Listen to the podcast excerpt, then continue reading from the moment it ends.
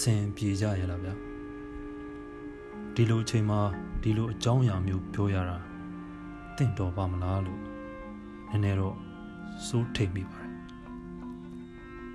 ဒါပေမဲ့ဒီအကြောင်းအရာဟာကျွန်တော်စိတ်ထဲမှာတစ်ခါတစ်ခါကျွန်တော်အိမ်မက်တွေထဲမှာအမြဲတမ်းပါလိမ့်ရှိတဲ့အကြောင်းအရာတစ်ခုပါလွန်ခဲ့တဲ့14နှစ်2006ခုနှစ်လောက်ကပေါ့ ဒီအကြောင်းအရာဖြစ်ဖြစ်ခဲ့ပါတယ်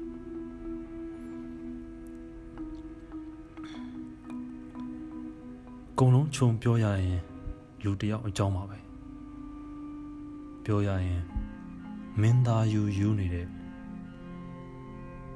တောင်ဆောင်ကမောင်တောင်ဆိုတဲ့ကိုတောင်ရဲ့အကြောင်းပါပဲ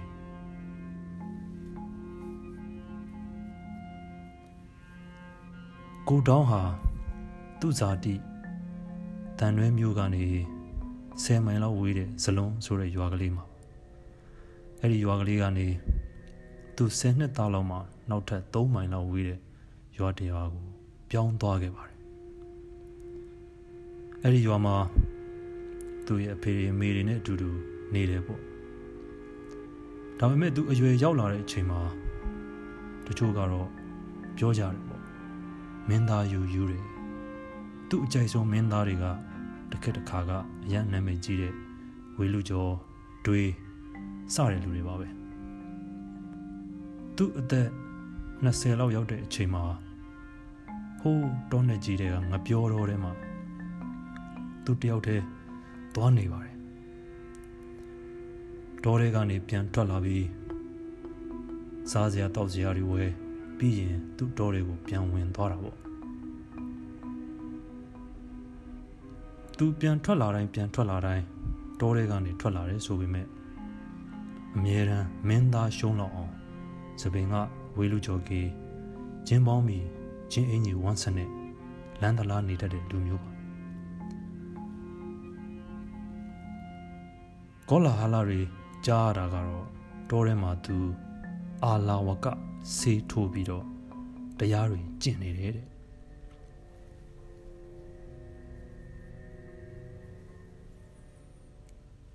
ဒီလိုနဲ့တောင်ဆောင်ကမောင်တောင်းဆိုတဲ့မောင်တောင်းတယောက်အကြောင်းဟိုလူပါဇက်ဖြားဒီလူပါဇက်ဖြားထဲမှာဟာတာအဖြစ်အံ့ဩစရာအဖြစ်ပြောစမှတ်ရှိကြတယ်ပေါ့ဗျာဒီလိုနဲ့2006ခုနှစ်မှာအဲ့ဒီနေသားတဲ့နေ့တနေ့မှာကျွန်တော်တို့ဇလွန်ရွာနဲ့အနီးတစ်ဝိုက်ရွာတွေမှာဒီနေ့အထိပြောစမှတ်ရှိလောက်အောင် ဖြစ်ခဲ့တဲ့အဖြစ်ဖြစ်တစ်ခုဖြစ်ခဲ့ပါတယ်အဲ့ဒီနေ့ကကျွန်တော်ကိုယ်တိုင်မှာပဲ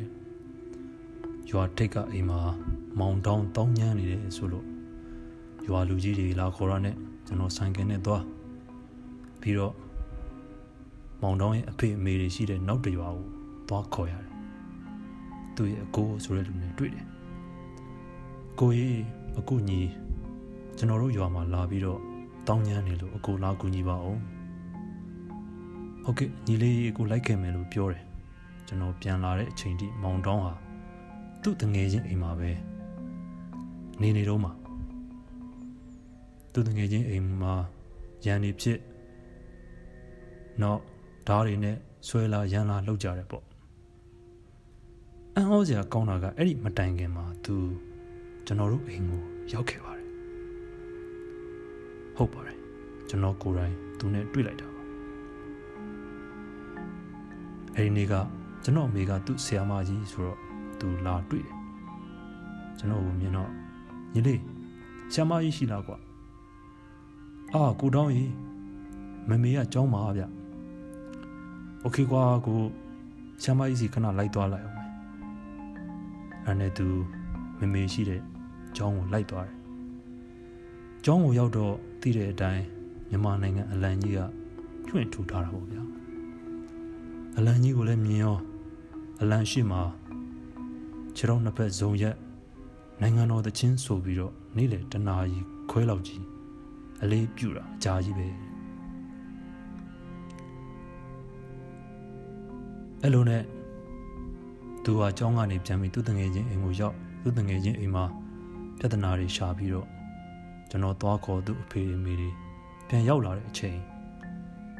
အဲ့ဒီအိမ်မှာသူမရှိတော့အဲ့ဒီအိမ်သားတွေပြောကြတာကတော့အိမ်ကလှန်တစုပ်ကြီးကိုဆွဲပြီးတော့တောထဲကိုတက်သွားတယ်တဲ့အဲ့ဒီလိုနဲ့အဲ့ဒီတညဂုံဆုံးသွားခဲ့ပါတယ်မောင်တောင်းတယောက်လှန်ကင်ပြီး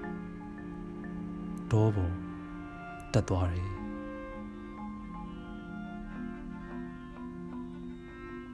ဒီလိုနဲ့ပဲတရွာလုံးနောက်နေ့မနေ့မိုးလင်းနိုးထားကြတာပေါ့ဗျာကျွန်တော်ကတော့ထုံးစံအတိုင်းအေးရေးပြက်လို့အေးရတာနောက်ကြတယ်ပေါ့တရွာလုံးစူးစူးညံ့ညံ့အတန်နေကြတော့နိုးလာဟေးလှုပ်ကြပါအောင်ဟဲ့လှုပ်ကြပါအောင်ဟဲ့ မောင်တောင်းလူတက်ပြီဟဲ့မောင်တောင်းလူတက်ပြီဟဲ့အင်ဂျီ300လောက်ရှိတယ်ကျွန်တော်တို့ရွာပြေးတယ်သူပြေးလွှားတယ်သူလွှားကလေးတွေကိုလုံခြုံတဲ့နေရာတွေပို့လုံးဝရွာဟာကမောက်ကမတွေဖြစ်ကုန်တာပေါ့တကယ်ဘလို့ဖြစ်တာလဲပြောကြပါအောင်ဟဲ့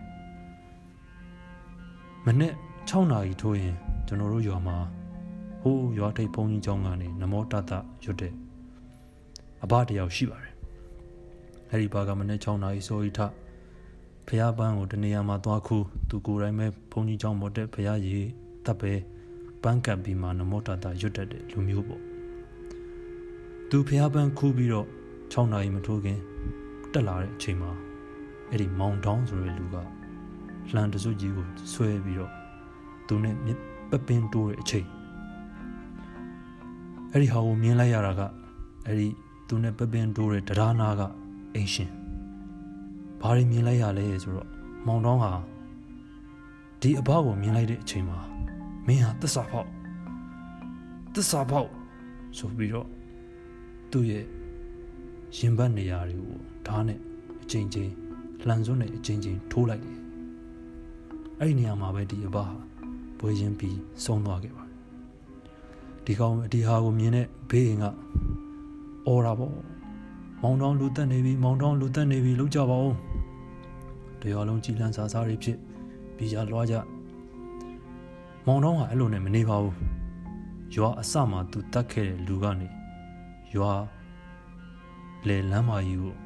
လှန်တစွကြီးကိုဒရုတ်တိုက်ဆွဲပြီးတော့သူဟာကဘာမကြီးတချင်းဆိုရင် နောက်တရွာကိုကူးသွားခဲ့ပါတယ်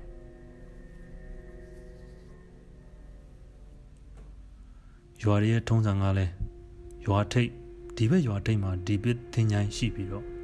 ဟိုဘက်ရွာထိပ်မှာဟိုဘက်သင်ချိုင်းကရှိတယ်ဆိုတော့ရွာတွေဟာသင်ချိုင်းနှစ်ခုရဲ့အလယ်မှာအမြဲတမ်းရှိတယ်မောင်တော်ဟာလူတယောက်တက်ပြီးတော့တင်ញိုင်းတစ်ခုတည်းဝင်သွားပါတယ်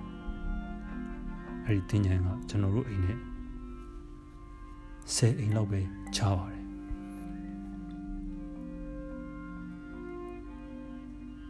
ဖြစ်ချင်တော့တက်ခံရတဲ့အဘဟာဒီရွာမှာလူတွေလေးစားရတဲ့ပုဂ္ဂိုလ်မျိုးသူ့ရဲ့မြေတွေသားတွေဟာလည်းရရွာအရေးမှာရှေ့တန်းကဆောင်ရွက်တဲ့လူတွေပေါ့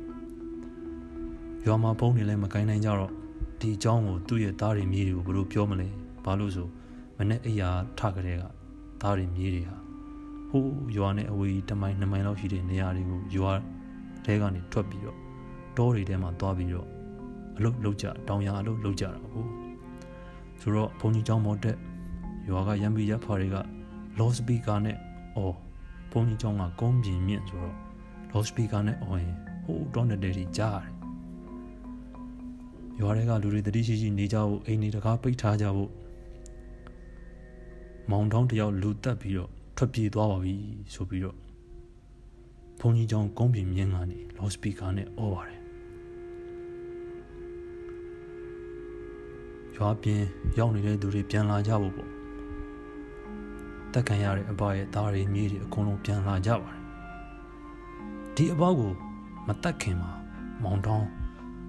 အရင်ဆုံးလူတစ်ယောက်တတ်ခဲ့ပါသေးတယ်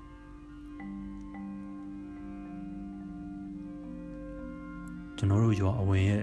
တင်းချမ်းမှာပြောရရင်တော့ဟိုးဘက်ရွာတွေကနေပြီးတော့ဈေးလာရောင်းတဲ့ ပြောရရင်ဝက်ရောင်းတဲ့လူပုဂ္ဂိုလ်ပေါ့သူကညဘက်အရန်နောက်ကျနေစရာမရှိတော့တင်းချိုင်းနဲ့ဝင်အိတ်တင်းချိုင်းထဲမှာလည်းနေစရာမရှိလို့ပြစ်ထားတဲ့အဖိုးကြီးတယောက်ရှိတယ်သူတို့နှစ်ယောက်အိတ်နေတဲ့အချိန်မောင်တောင်းနဲ့တွေ့တော့မောင်တောင်းကအဲ့ဒီအဖိုးကြီးကိုတတ်ပြီးတော့ဝက်ရောင်းမှုလာတဲ့လူနဲ့လမ်းမှာတွေ့တဲ့အချိန်မှာဝက်ရောင်းတဲ့လူကိုလည်းတတ်အလောင်းနှလောင်းဟာတင်းချိုင်းထဲမှာပေါ့အဲ့ဒါပြီးတော့မှအခုနောက်ကအဘောက်ကိုတတ်ခဲ့တာ မောင်တောင်းတော့ပျောက်နေပြီတရွာလုံးကခေါင်းပြီးတော့ဘယ်မှာသွားရှာမှန်းလည်းမသိရွာထဲမှာရှိသမျှအိမ်တွေအကုန်တကားပိတ်ရွာဟာအကြတန်မကြားရတော့အောင်တိတ်ဆိတ်သွားလိုက်တာများဗျာကဲမောင်တောင်းကိုဘလို့ဖမ်းမလဲလူ၃ယောက်တပ်ပြီးသွားတဲ့မောင်တောင်းကိုဘလို့ဖမ်းမလဲ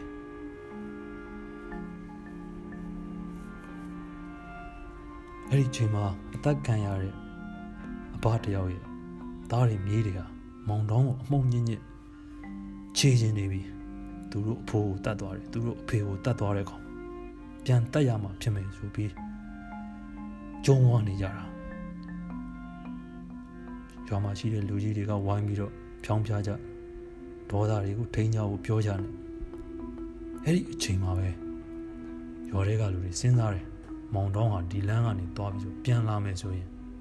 လမ်းကျိုးတစ်ခုကိုပြန်ကွေ့ရမယ်လမ်းကျိုးအကွယ်ကနေပြီးတရွာလုံးမှာရှိတဲ့မင်းညူမျိုးလူပြိုလို့ခေါ်တဲ့လူပြိုတွေအိမ်အောင်သေးတွေတုတ်ဓာလက်နဲ့အစုံနဲ့စောင့်ရတာပေါ့ဗျာဒီအချိန်ဟာမနေ့10နာရီလင်းလင်းချင်းချင်းအချိန်ကြီးမှာဖြစ်နေတာပါရွာထဲမှာရှိတဲ့သူတွေက သူတို့ဆက်သွင်းတဲ့သူရဲစခန်းကိုဖုံးဆက်ရဲစခန်းဆိုတော့လေရွာနဲ့10မိုင်လောက်ဝေးပါတယ်ဖုံးဆက်ထားတာပေါ့ကဲမောင်တော်မင်းဒီလမ်းကနေပြန်လာစမ်းမောင်တော်ငါတို့စောင့်မယ်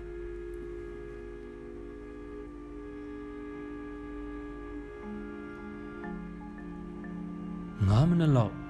ကြာပြီးသွားတဲ့အချိန်သူထွက်သွားတဲ့နေရာကနေ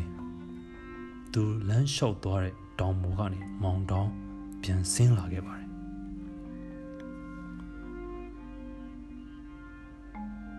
မောင်တောင်တော့ကိုဘယ်သူမှမကတ်ရဲကြပါပဲအဲ့ဒီလမ်းကျိုးအကွေ့ရောက်တဲ့အချိန်မှာလန်တရုတ်ကိုတစုပ်ကိုကင်ထားတဲ့မောင်တောင်ဟာလူအုပ်ကြီးကိုဖြုံးမနေမြင်လိုက်ရတယ်။သူဟာကဘာမကြီးတချင်းကိုဆိုပြီးတော့လမ်းလျှောက်လာတာပါ။အဲ့ဒီချိန်မှာ လေးကွာနဲ့သူ့ကိုလှမ်းပစ်ဒုံနဲ့လှမ်းပစ်မောင်တောင်းကလုံးဝမရက်ပါဘူးသူ့ကိုစောင့်ဆိုင်နေတဲ့လူ90လောက်ရှိတဲ့လူအုပ်ကြီးကိုလှမ်းတဆုပ်ကြီးကန်ပြီးတော့တိုးဝင်သွားပါတယ်ကဘာပြစ်တယ်လို့ပါပဲမောင်တောင်းဟာလူ90လောက်ရှိတဲ့လူအုပ်ကြီးရဲ့ဟိုမတွန်းလှန်နိုင်ခဲ့ပါဘူး အားလုံးတတိဝင်လာတဲ့အချိန်မှာမောင်တောင်းဟာကတ္တရာလမ်းမပေါ်မှာပြပြဝတ်နေပါပြီ။သွေးအလူးလူးနဲ့ပေါ့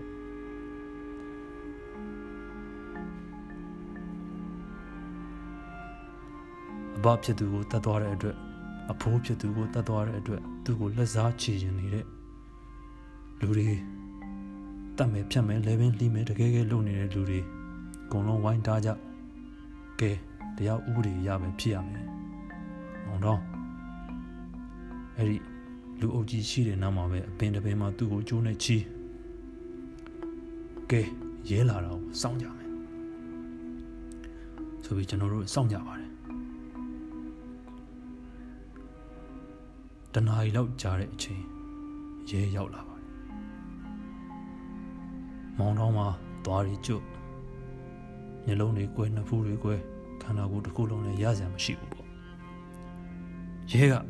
မောင်တောင်းရဲ့နှစ်တင်ကိုတနက်နဲ့တစ်တခုမေးတယ်မောင်တောင်းမင်းကငါပြစ်တတ်တော့မယ်နောက်ဆုံးမင်းဘာစုတောင်းခြင်းလဲပြောစမ်းမောင်တောင်းပြောလိုက်တာကမြန်မာနိုင်ငံလွတ်လပ်ရေးမရတဲ့၍ငါဘယ်တော့မှအရှုံးပေးမှာမဟုတ်ဘူး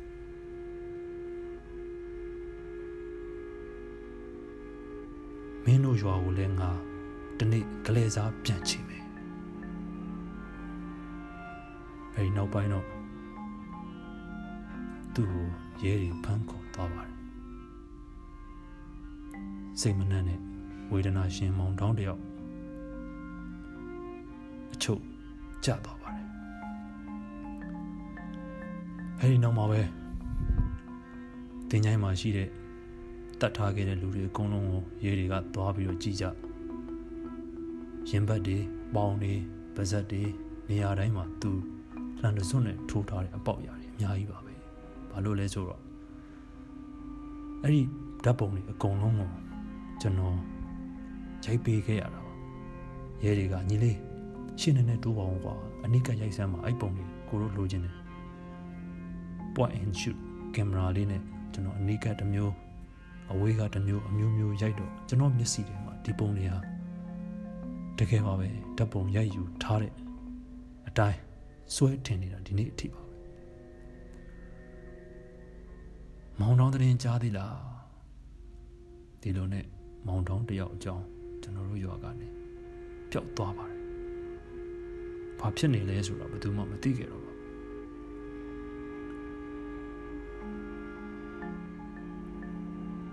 ခုနှစ်ရက်တိတိကြာတဲ့နေ့သတင်းတစ်ခုကြားရတယ်။မောင်တောင်းပြန်လွတ်လာပြီ။ဒီသတင်းကိုလည်းကြားရောအဲ့ဒီသတင်းကြားတဲ့အချိန်မှာမမရရမနေ့7နာရီလောက်ရွာထဲမှာရှိသမျှအိမ်တွေတကားပိတ်အိမ်တွေတကားပိတ်တဲ့အတန်ကိုတပြိုင်နက်တည်းကြားရတာသိကြောက်စရာကောင်းပါတယ်ကျွန်တော်ကိုယ်တိုင်လည်းအိမ်မှာရှိတဲ့တကားတွေအကုန်လိုက်ပိတ် တခြားချွတ်တဲ့အိမ်တွေကကလေးတွေမိသားစုတွေအကုန်လုံးအိမ်ကိုခေါ်တကားတွေပိတ်ထားတာပေါ့တကယ်တော့လူတယောက်ကတရင်မှဖြန့်တာပါမောင်တော့မလွတ်လာပါဘူးမောင်တော့တောင်ထဲမှာပဲရှိပါတယ်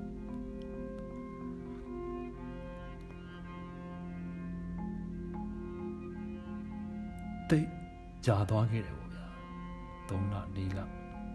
ကျွန်တော်တို့တည်င်းတစ်ခုကြားရတယ် မောင်တောင်းတယောက်ထောင်ထဲမှာလွတ်လပ်ရေးအတွက်တိုက်ပွဲဝင်နေဆိုပြီးထမင်းမစားဘဲနေရင်နောက်ဆုံးဆုံးသွားတယ်လို့ကြားရတယ်မှန်ဤမမှန်ဤအတားထားမောင်တောင်းတယောက်ဆုံးသွားပြီဆိုတော့တရွာလုံးကြားတယ်ကုန်လုံးဝမ်းသာခဲ့ကြရတယ် လူတယောက်အသက်ဆုံးမသွားတော့ဝမ်းသာတာမကောင်းပေမဲ့မောင်တောင်းဆိုတဲ့အတန်ကြားတိုင်းကျွန်တော်တို့ရွာအပါဝင်ရွာနီးချုပ်ဆက်ရွာတွေဟာသိကြောက်လန့်ခဲ့ကြတယ်နာမည်ပေါ့ခုတော့လေမောင်တောင်းတယောက်အကြောင်းပြောရင်ကျွန်တော်တို့ဟာရီရီမောမောပြောကြပြောနိုင်ကြတဲ့အချိန်ခါ